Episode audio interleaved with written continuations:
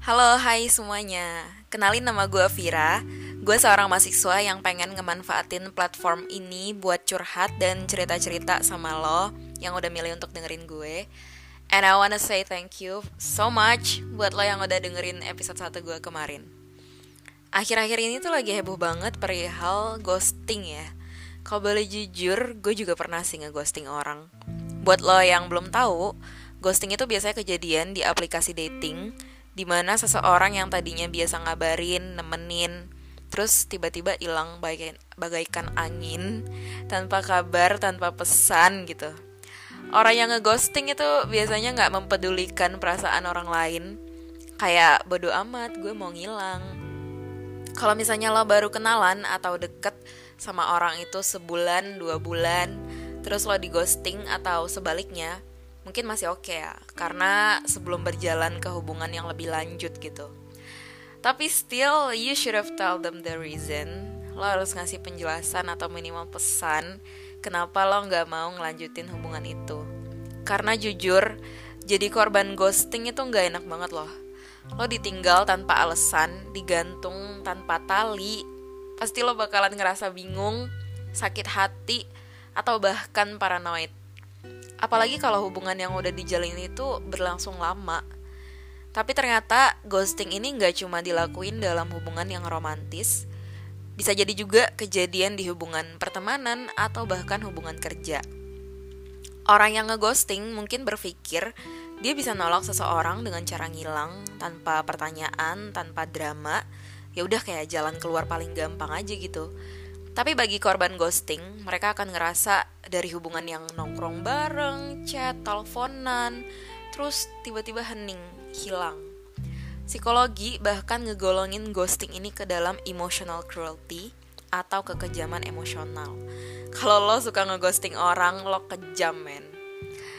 Gue punya cerita dari seorang teman, teman gue ini cewek. Jadi dia itu sempat deket sama seorang cowok, dibilang jadian juga enggak. Tapi deketnya tuh udah kayak orang jadian. Pasti lo pernah kan di hubungan yang kayak gini? Nah, singkat cerita, si cewek tuh harus keluar kota buat kuliah dan mereka end up quote unquote LDR. Temen gue ini sebenarnya udah niat-niatin banget nih gimana gitu kalau LDR. Setahu gue sih ya, LDR tuh bisa-bisa aja kalau dengan orang yang tepat dan tetap jaga komunikasi gitu ya kan. Tapi things didn't really go well sama si teman gue ini. Dia di ghosting sama si cowok gue pas tau ceritanya gila sih. Ini cowok gak gentle sama sekali.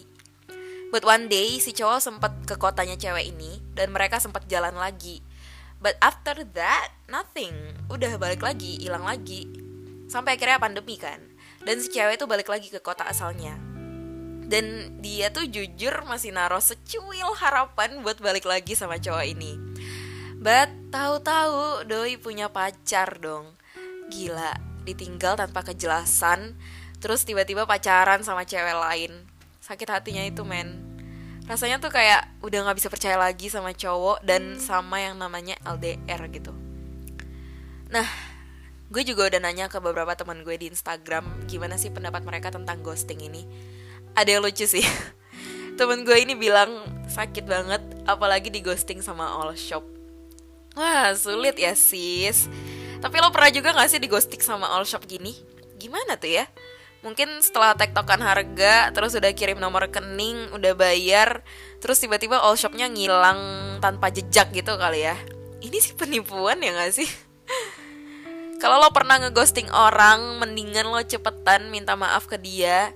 Dan kalau lo pernah menjadi korban ghosting, believe me, itu adalah cara Tuhan ngasih tahu lo kalau dia bukan orang yang baik buat lo. And I know it hurts, tapi ambil aja pelajarannya. Dan lo harus tetap yakin kalau nggak semua orang sejahat dan sekejam itu kok. Oke, okay, that's sum up my story for tonight. Kalau lo mau cerita-cerita secara personal sama gue, boleh banget DM gue di Instagram at Thank you for listening and goodbye for now.